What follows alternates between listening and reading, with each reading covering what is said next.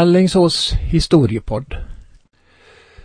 Historiepodd nummer 62 handlar om forntiden i Allingsås. Inte bara Allingsås utan vi har även med Vårgårda på ett hörn här. Alltså forntiden i vårt område. Det visar sig att det är väldigt mycket intressant eh, som hände redan på den tiden även om vi inte vet så mycket om det hela. Men med utgrävningar så får man mer och mer veta om saker och ting. Och eh, på museet har man just nu invigt en utställning om forntiden i Alingsås med föremål som finns på museet. En mycket intressant utställning som jag rekommenderar att du besöker. Det var eh, invigning häromdagen eh, och jag var med där och fångade upp det hela. Så har jag varit i Vårgårda och det är också väldigt intressant. Det har kommit fram mycket nu på senaste tiden när man bygger den här eh, vägen förbi, eh, alltså stora vägen och eh, fått gräva ut saker och ting. Det har visat sig att det här är en väldigt rik bygd från den här tiden. lite snack om det blir det, men vi börjar med att en inspelning som vi gjorde i ja, 1980-talet. Eh, mot slutet av 80-talet någon gång. Jag kan inte säga exakt när. Men det är två elever som jag hade när jag jobbade på Ingarydsskolan. Och det här är elever i årskurs 6. Per Junfors och mm, Per-Anders Åström som intervjuade Dag Stålsjö som då bodde i eh, Norrsesundstrakten. Tyvärr så gick ju Dag Stålsjön bort något år senare. Så att, eh, men vi har här en intervju som killarna gjorde om hur det var förr i tiden i området. Alltså i forntiden. I närheten av Solvedens kraftverk i Norsesund finns en gammal stenåldersboplats. Hur gammal är den? Ja, den är nog som alla stenåldersplatser runt Mjörn som är väldigt speciella, ganska unika som man säger i Sverige. Cirka 8000 år. Ja. Har man vetat om det länge? Ja, det har man nog känt till ett eh, tag. Eh, senast så publicerade en eh, professor som bor i Allingsås, en engelsk professor i sin bok om Allingsås lite granna uppgifter om de där stenåldersplatserna.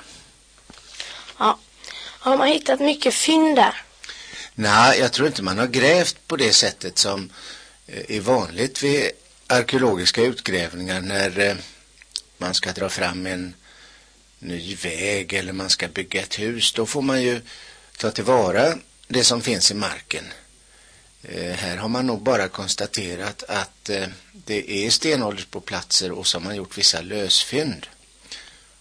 Och den som då finns vid Solveden känner jag kanske inte lika bra till som den som finns eh, i Gallvik på väg ut mot udden. Där fanns just i vägen ända fram till för något år sedan delar utav ett baktråg i sten. Du vet ett sånt där sten stort stenblock som blev urholkat för att man la eh, säden där och så malde man. Varför bosatte sig sten, stenåldersfolket just där? Ja, om du tänker på Solveden så var ju det vad man säger strategiskt bra. Man kunde komma till Mjörn och man kunde komma till eh, Sävelången. Man bodde, bosatte sig då vid vattenvägen och vi får nog tänka oss att vattenvägarna var mycket mer trafikerade än vad de är idag. Folk förflyttade sig inte på eh, landsvägar för det fanns inga landsvägar. Det fanns knappast några vägar överhuvudtaget. Det fanns stigar i skogarna utan det var på vattnet som folk färdades och de som bodde vid Solveden de hade då kontroll över trafiken som kom upp för Sävån ända från Göteborg och kanske ännu längre. Sävån var en viktig väg in i Sverige. Varifrån kom de första människorna till Sverige? Ja, det, det kanske inte är så lätt eh, att säga men eh, om vi begränsar oss till de människor som har slagit sig ner här efter istiden för en 11 000 år sedan så får man väl anta att när isen smälte, vilket inte gick så där alldeles över en natt, så levde människor i iskanten och det var i sydvästra delen så att de första människorna kom över eh, Danmark och även västerifrån. Det finns en eh, eh, nyare forskning som menar att isen smälte mera från väster tack vare Golfströmmen och då skulle de första människorna ha bosatt sig i nuvarande Härjedalen. Och det är mycket som talar för att det eh, stämmer men det är inte riktigt helt eh, oomtvistat. Hur tog det, hur tog det sig fram?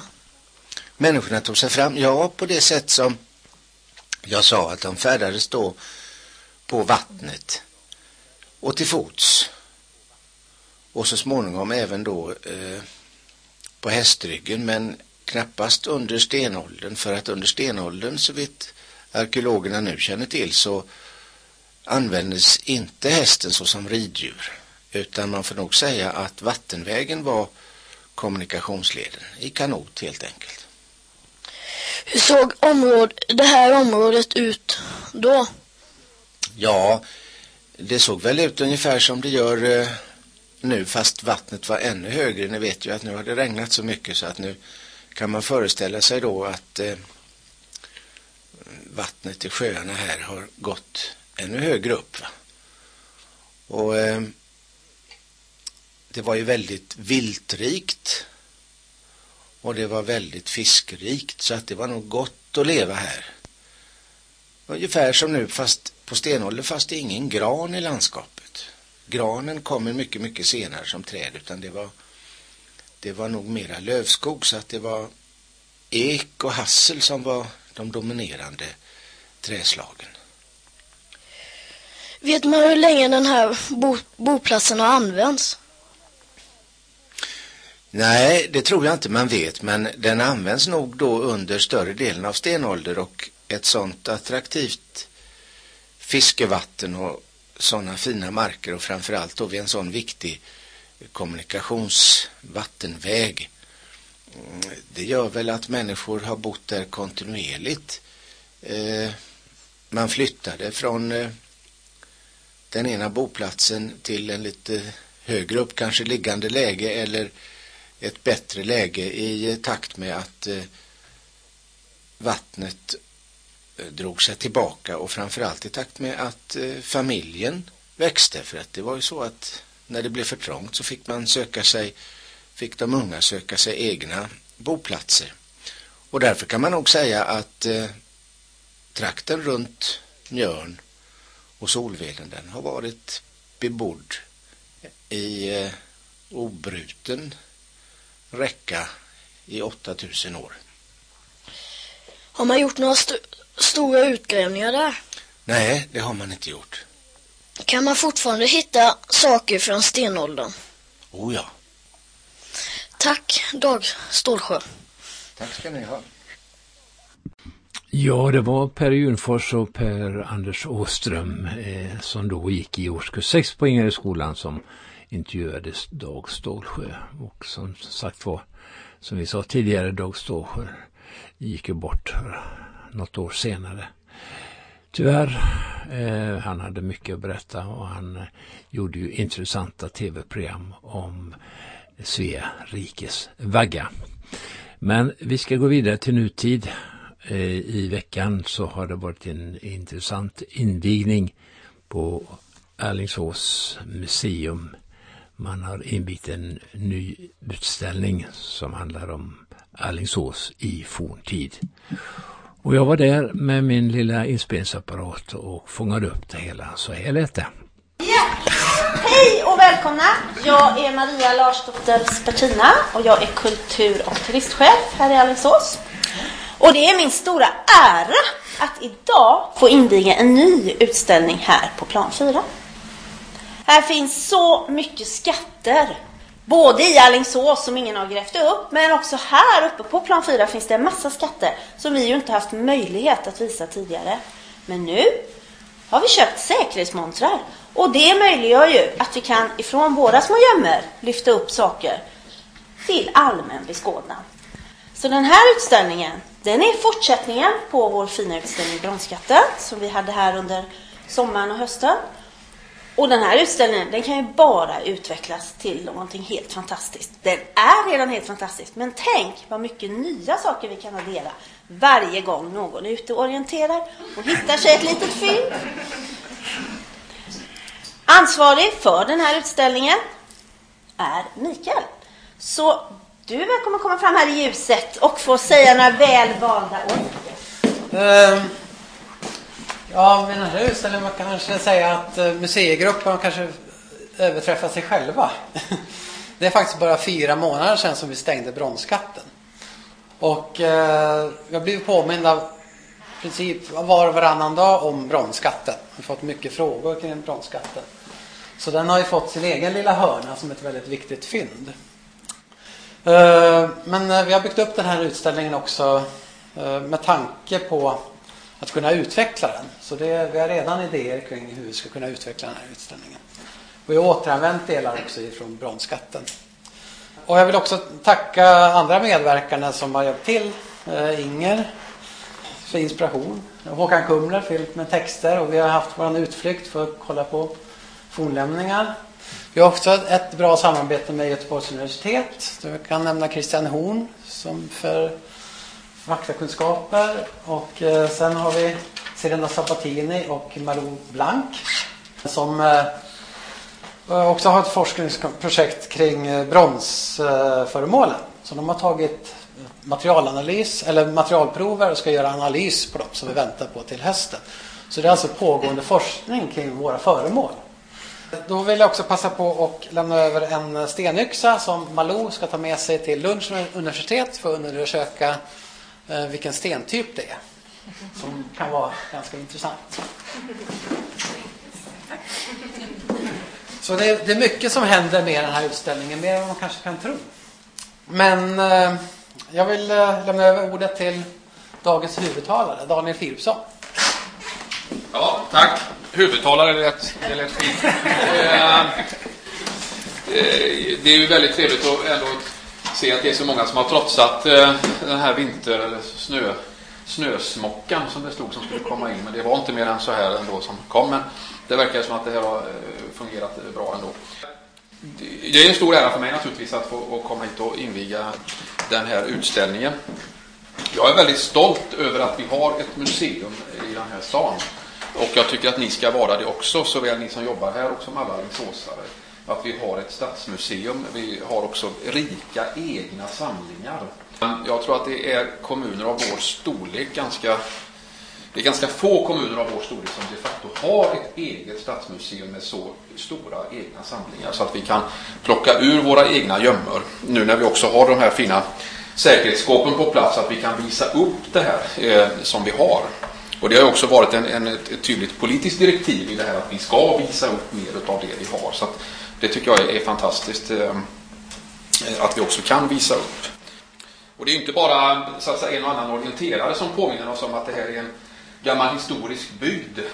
Eh, när vi nu exploaterade Lindex, ni vet, ute i Bälinge och grävde där ute i backen så hittades ju rester utav det som sägs eller påstås eller är ett utav Västsveriges äldsta hus. Det vittnar om att den här bygden har varit bebodd väldigt tidigt och det finns en rik historia att också berätta från forntiden och alla andra tänkbara tider eh, som har föregått den tid vi nu lever i. Så att vi har en rik historia här som vi ska vara stolta över att också kunna få berätta och visa upp. Och jag hoppas ju också att vi ska nu, eh, nu har vi ju replikor på bronsskatten här, men nu när vi har våra fina eh, skåp här så ska vi ju naturligtvis också kanske få hit det här på igen då. Eh, och det ser jag fram emot att, att eh, tillsammans med er som jobbar där också driva den processen. Med det sagt så hoppas jag att eh, den här utställningen blir välbesökt och att alingsåsarna tar del av det här. Det finns väldigt mycket att berätta kring vår bygd och vår historia och en stor eloge till personalen som också har gjort det här på ett snabbt och effektivt sätt eh, och är så duktiga och engagerade i detta. Ni som kan er historik så har ju museets vara eller inte vara varit uppe en gång i tiden för en 10-12 år sedan eller någonting sånt där till politisk diskussion. Eh, och det var ju också avvecklat och nedlagt ett antal år. Men den återstarten som kom då för x antal år sedan och där vi är nu så är jag väldigt stolt över att vi tryckte på den knappen och startade om det här museet och eh, så att vi också kunde visa upp det vi har i våra gömmor och inte minst då i denna fantastiska byggnad som också Alströmerska magasinet så stort tack för det. Lycka till med framtida utställningar. Vi ser fram emot det och eh, då är alla Alingsåsare välkomna hit. Ja. Då är den formellt också invigd. Och då så tar du och slår på gonggongen. Genom att slå på denna gånggång. Ja. När jag slår på denna gånggång här nu så kan vi släppa in massorna som står utanför. Och då är utställningen här. Vänta lite grann tills jag får Ja.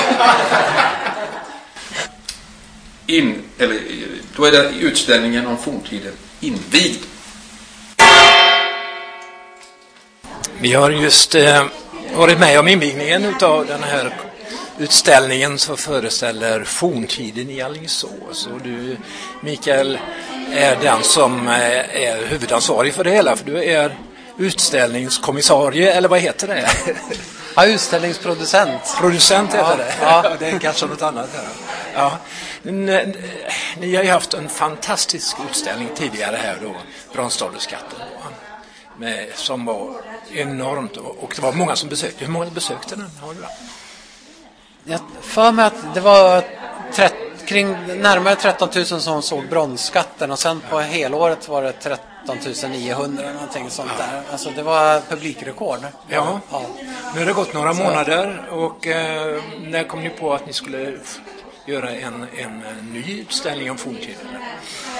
Egentligen hade vi, hade vi den idén med oss när vi började planera bronsskatten. Att det måste komma en ersättningsutställning då. Och eh, jag visste ju sedan tidigare, hela museigruppen visste ju att vi har fantastiska samlingar, väldigt fina grejer. Och eh, de måste vi kunna visa upp. Så vi, vi planerar egentligen för den här, den här utställningen medan vi planerar bronsskatten. Ja. Så att har man såg man bronsskatten kommer man att känna igen sig. Så vi har återvunnit en hel del. Det ser man. återanvänt det. Ja, det, det gör man. Man- har samma känsla när man går in här som eh, man hade när man gick in i, i bronsskattens Ja, utställning. Ni har ju tagit fram detta på väldigt kort tid. Ja, det är, faktiskt bara fyra månader sedan, jag räknar efter, som vi stängde bronsskatten. Eh, så att eh, jag tycker att museigruppen har överträffat sig själva alltså i, i att få till det här på den, den här tiden. Och jag tycker att, eh, och det är flera också som jag som har hjälpt till med, med arbetet. Till exempel forskare från Göteborgs universitet och eh, Håkan Kumler från Historiska sällskapet. Nu är jag lite nyfiken på vad tog eh, bronsskatten vägen? Den, eh, den blev fyndfördelad som det heter till Lödöse museum. Så den är, den är där nu i en utställning som heter Labbet. Heter den. Okej, så man får åka till Lödöse om man vill se den en gång Ja, till. ja, det får man göra. Men jag föreslår att man går hit istället för här kommer se, vara med om eh, hela våran forntid. Det börjar redan på istiden med en eh, mellan istid och järnåldern. Eh, Händer någonting här i det här området då? Ja, det är väl de tidigaste fynden som, som man har hittat då. Och det är kring Mjörn särskilt och Bokö som, som man har hittat gamla, gamla lämningar efter boplatser. Ja, jag har varit nere i Solveden eh, nere Där också, ja, just det, precis. och letat flintavsskav och har Ja, hittat ja. en hel del. Ja. Så det, det finns redan då så befolkades det här området. Mm. Och sen då om vi går vidare då så är det ju jägarstenåldern. Vad har man hittat fynd här i Alingsås från den tiden? Det är också kring sjöarna egentligen eh, som man har hittat. Eh, De kartor som jag har sett och litteratur som jag har läst så, så återkommer till exempel Bokö. Där, där finns det representanter, eller eh, de flesta stenugnskulpturerna representerade.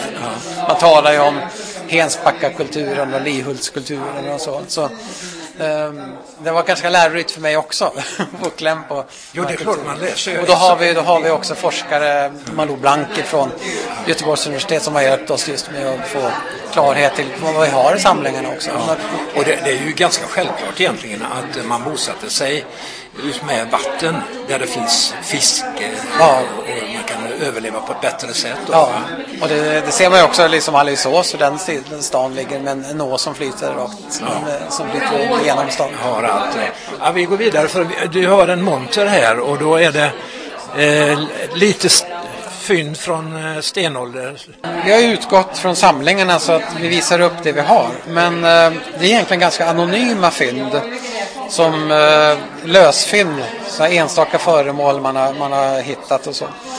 Och, och vi visste ju inte så mycket om dem egentligen, vad det är för någonting. Så då, då har vi fått eh, stor hjälp av eh, Malou Blank vad det är för någonting.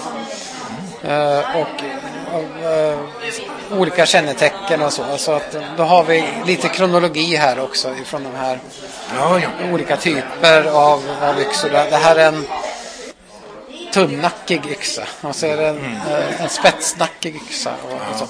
Vet och man eh, var, vi har också forskning som pågår då så, på, på de här föremålen. vet man var man har hittat de här fynden?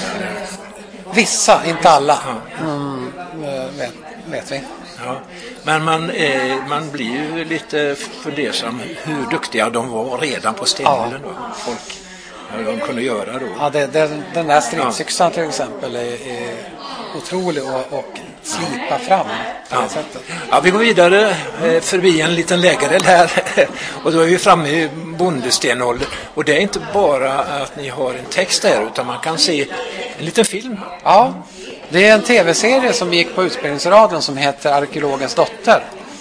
Och eh, vi fick tillstånd att eh, klippa ihop, ett, eh, klippa ihop eh, sekvenser från den och eh, visa det här för, för publiken. Och för det, de har gjort fina eh, skildringar av hur man gör när man tillverkar flintredskap och bereder hudar och sådär.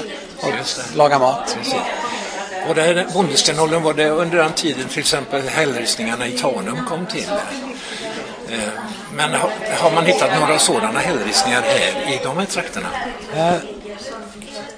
Inte, inte några bilder vad jag vet. Nej. Eh, det finns eh, såna här eh, skålgropar. Det är det, som- det som jag känner till. Eh, men jag ska inte bli förvånad om man hittar. Skulle Nej, hålla utkik för det kan dyka upp saker och ting i de här trakterna. Vi går över till bronsåldern och eh, bronsålder, ja då har vi, ja vi går direkt till eh, de fynden som ni har här. Ni har dem i montrar och det är ju ett antal holkyxor.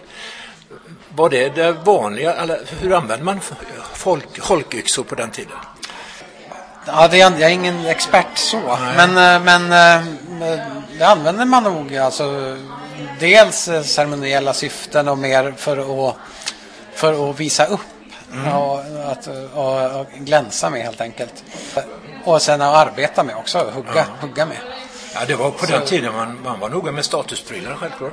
Ja, Precis det, som kan, idag. ja, det framgår i den här dokumentären om bromsskatten också. Ja, Så, ja fantastiskt. ja. En fantastisk. Jag hoppas att folk verkligen tittar på. Och vi går vidare till någonting man känner igen här. Eh, kopior utav bronsfynden. Vad är det för någonting? då? Det är, vi gjorde eh, lät ju tillverka eh, en eh, två kopior av två stycken av bronsskattens fynd, alltså 2021. Och det är en smed som heter Therese Engdahl som gjorde två kopior som hon smidde. Eh, Vi ville ju visa liksom, hur de kunde se ut när de var nya. Ja. Och så la vi då den här högglanspolerade kopian mot originalet. Ja. Och då blev den, den sp- spännande kontrastverkan i, i, i monten. Så de, de kopiorna har vi kvar och de visar vi här i, Ja, i utställningen. Ja. För, att, för att bronsskatten är ju, är ju så levande hos, hos Ja. besökarna fortfarande. Det är många som frågar efter bronsskatten. Så, och det är ett viktigt, jätte, jätteviktigt fynd Ja. som vi måste berätta om Ja. här i den här utställningen. Och då, då hänvisar du dem på fjärde våningen. Ja, så de, bronsskatten har en egen hörna. Ja, precis. Men vi gick förbi något som är väldigt intressant som jag eh, inte har sett finns här i Sverige så mycket utav. Ösenring av brons. Vad är det för någonting? Det, det är en, eh, den är inskriven i eh, vårat register som halsring. Men eh, det är det antagligen inte. Utan nere i Centraleuropa, eh, kring Österrike, Tjeckien, Där, där är de väldigt vanliga och man har hittat depåer med flera hundra. Och då finns det olika teorier kring eh, vad en sån där ösering eh, var för någonting. Och en del menar att det var en slags, slags eh, eh betalningsmedel, en, en, en, en, standard, som en standardvikt. Som man, som man kunde alltså byteshandla med och betala med. Oj! Eh, för att en del forskare driver en, en, en tes om att, att det ligger ofta kring 195 gram, vikten. Ja. Ja. Och då menar de att, att det är en standardvikt och eh, den kunde pendla plus minus 20 gram. 15 gram ja. kanske. Och, eh, så då menar man att det var en standardvikt man hade under bronsålder och man hade i, handel. Men, men då finns det, finns det de som menar att, att så skulle spridningen på fynd av, av ösenringar se annorlunda ut om det var om det var ett sån, en, en sån funktion. Då. Okay. Eh, men... Eh, Den är väldigt sällsynt i, i Sverige. Ja. Eh, med en arkeolog som jag pratade med kunde hitta ett till sånt fynd. Eh, och det är i Östergötland. Så om man hittar ett till i Västergötland då är det, det är den här. Och hur har eh, Allingsås kommit över den, vet du? Den eh, köptes in av museet eh, på 20-talet tror jag av en privatperson. Så den, den är hittad i Västergötland på Vätterns västra strand har jag för mig att det var. Okay. Och jag bad konservatorn att väga den. Den vägde 195 gram prick. Så ser man. och vi skriver fram den teorin här också. Liksom, ja. hur, vad, sen får folk bilda sin egen uppfattning. Så liksom att, eh, ja. För och emot liksom. De, de argument som finns. Ja, ja, ja, när jag läser detta så tror jag att jag är för. Du är för, ja. för och sen då så går vi vidare och kommer då till förbi då eh, Bronskatten i Hjälmare där det finns också beskrivet det hela. Men ni har byggt upp miljöer här också då? Ja, den här, det här är ju då där, där stenblocken där, där man hittar, eh, hittar Bronskatten och den här var ju med redan under utställningen Bronskatten ja. och det är min kollega, eh, museipedagogen Ylva Selén som har gjort den här. Ja. Och eh, det är liksom fyndögonblicket som, som eh, skildras. Okay. Så här kan man se då hur något, ett djur har krafsat ut föremålen. Just det, det är någon som vill ha det som lya och så låg ja, det massa antagligen den skyldige är där kanske. Ja, en liten grävling. Ja. Okej, okay, vi skyller på grävlingen. Ja. Eller rätt vi tackar Så har vi fällt in då de här kopiorna i, i... De här montrarna då, de, eh, de är ganska säkra va? Ja, eh, den här har jättehög säkerhetsklass. Och eh, det är en investering som, som vi har gjort. Så nu kan vi faktiskt visa våra samlingar på, på, som vi inte har kunnat göra förut. Nej. Och de är också mm. konserverade. Så, det, så nu mår de prima, föremålen. Ja, de ser väldigt fina ut. Och, Nygjorda nästan. Ja, och det är klimattempererade montrar. Okej, okay, okej. Okay. Eh, ja, och sen avslutas det här också, ja, lite längre bort. Men ja, en sista fråga här. Ja, det, här ser ni en annan miljö som föreställer en bronsåldersby, eller vad kan det vara? Ja, det är, det är en bronsåldershus. Ja. ja. Eh, det finns belägg för att det fanns flera hus som låg tillsammans. Mm. Eh, och det är en modellbyggare som heter Christian Lidborg som har gjort den här. Den är också ifrån bronsskatten.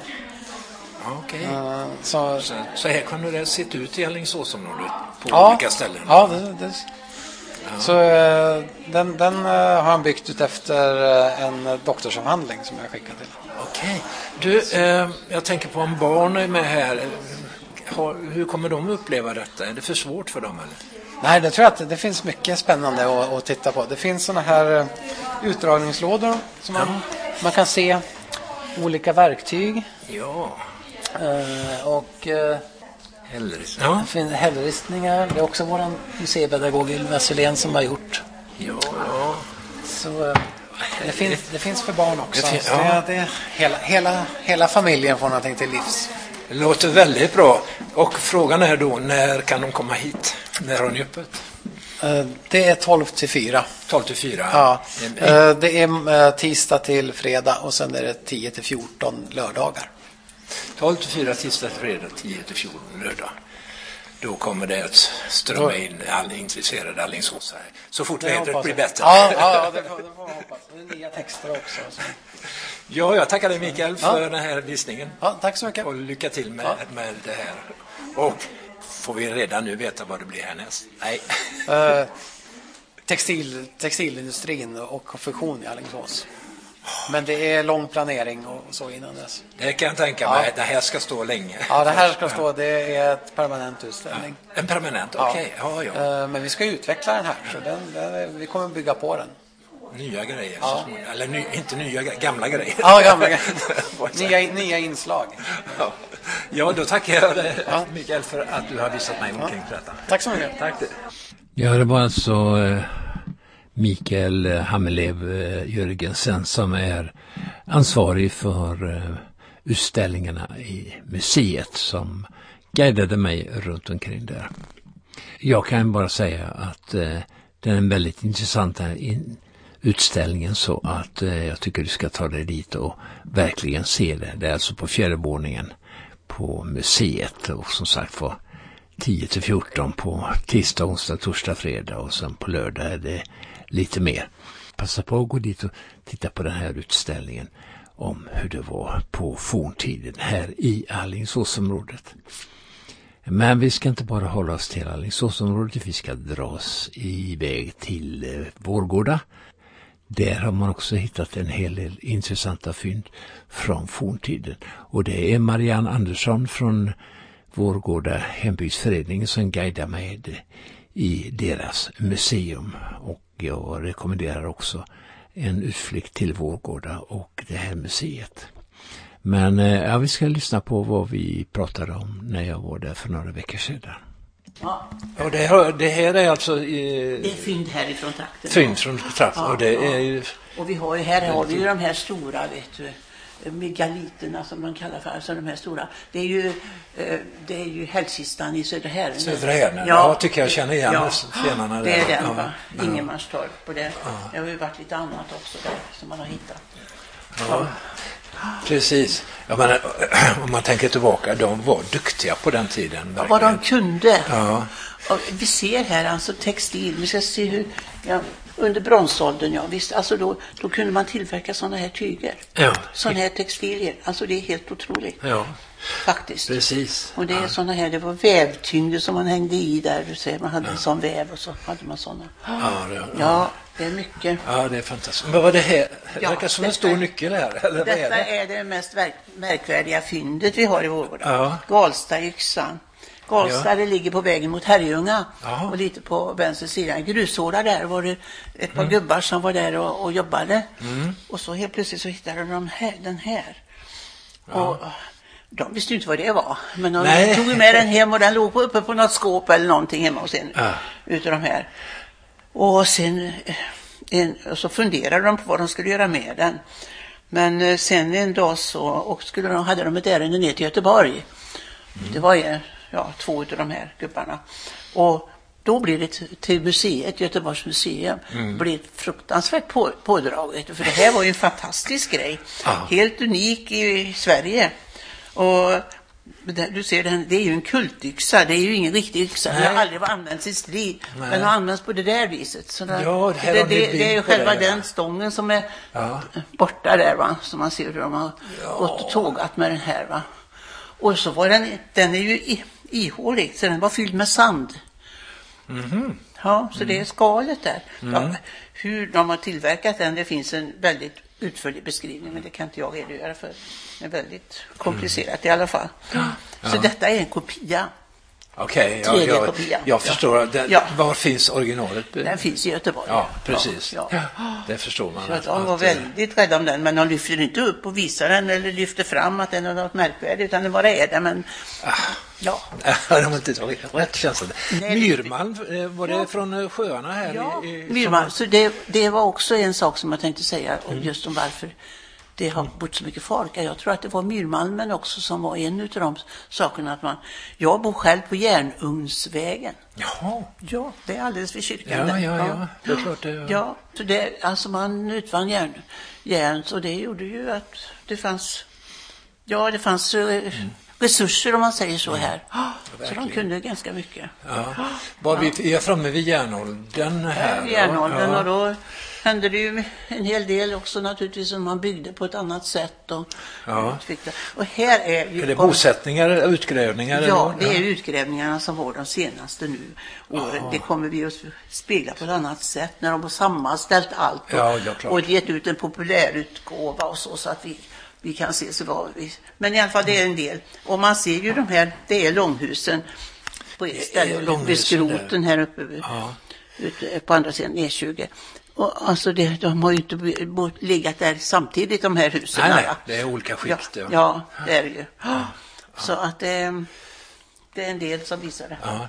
Och bakom oss här så har vi en eh, Ja, gammal kanot, eller kan det vara? ja, det var en båt som hade en sån. Ja. Där är ju Man stod upp och paddlade i, Ja, i den och jag tror eh, det. vet du var den eh, kommer Jo, i? den, är hittad, den här är hittad eh, ut vid Säven, vid Argustorp i Vårgårda. Alltså ut mot Boråsvägen där, är ju en sväng där. Så den har ju legat djupt ner i leran. Ja, det är därför den behöver ja, bevaras. ja. Vi vet inte riktigt hur gammal den är. Men den har använts alltid från stenåldern och så. Ja. Flera tusen år. Ja. Så den är gammal. Den är, ja. Och sen kommer man in i medeltiden. Ja, och här är Och- den första människan som vi vet någonting om. I Vårgårda som vi har namnet på. Jaså? Här har vi, vet du, det var en runsten och det är precis där borta där vi på vägen där, när man åker mot Herrljunga och så svänger in mot, eh, mot Äggvena kanske det står där. Och då, eh, bara några hundra meter in där, det var en, en stor kulle. Det var en kyrka. Eh, Tumbergs kyrka, men den, den, är, den är borta. Men det finns en ruin där. Som, ja. Och där hittar man också den runstenen, delen utav en run- runsten. Och där står det, tror vi, jag kan inte läsa det, men där står det i alla fall att den eh, den berättar om att någon reste stenen till minne av sin mor Tove. Ja. ja. Så att eh, då, och vi föreställer ju oss att hon var ganska förmögen. Man, att få, en kvinna fick en, en sten rest efter sig var kanske ganska märkvärdigt. Det var märkvärdigt. Så hon måste ju vara en eh, betydande människa. Så vi har försökt att skildra henne där. Va? Mm. Ja. Sen har ni då, under medeltiden så byggdes det mycket kyrkor Ja, i ja, Sverige. ja. Och här har ni Ja. då spaltat upp vad de, vilka Ja. som finns här Ja. i trakten. ja, precis. Ja, Eh, hur det hela utvecklade sig, det kommer vi att återkomma framöver. Hur eh, Vårgårda samhället eh, växte upp kring genvägstationen och hur det har blivit som det har blivit idag. Det tar vi som sagt var lite längre fram.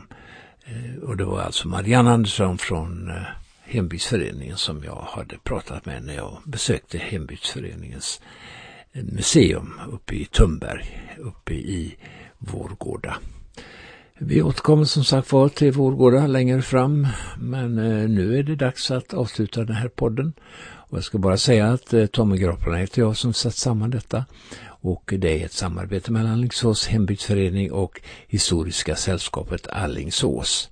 Och eh, vi återkommer med en podd om ett par veckor igen, podd 63. Och vad den innehåller, det kan jag inte säga nu utan jag får fundera vidare på det hela. Men någonting blir det. Ha det så bra tills dess och eh, ja, vi stänger ner det hela nu.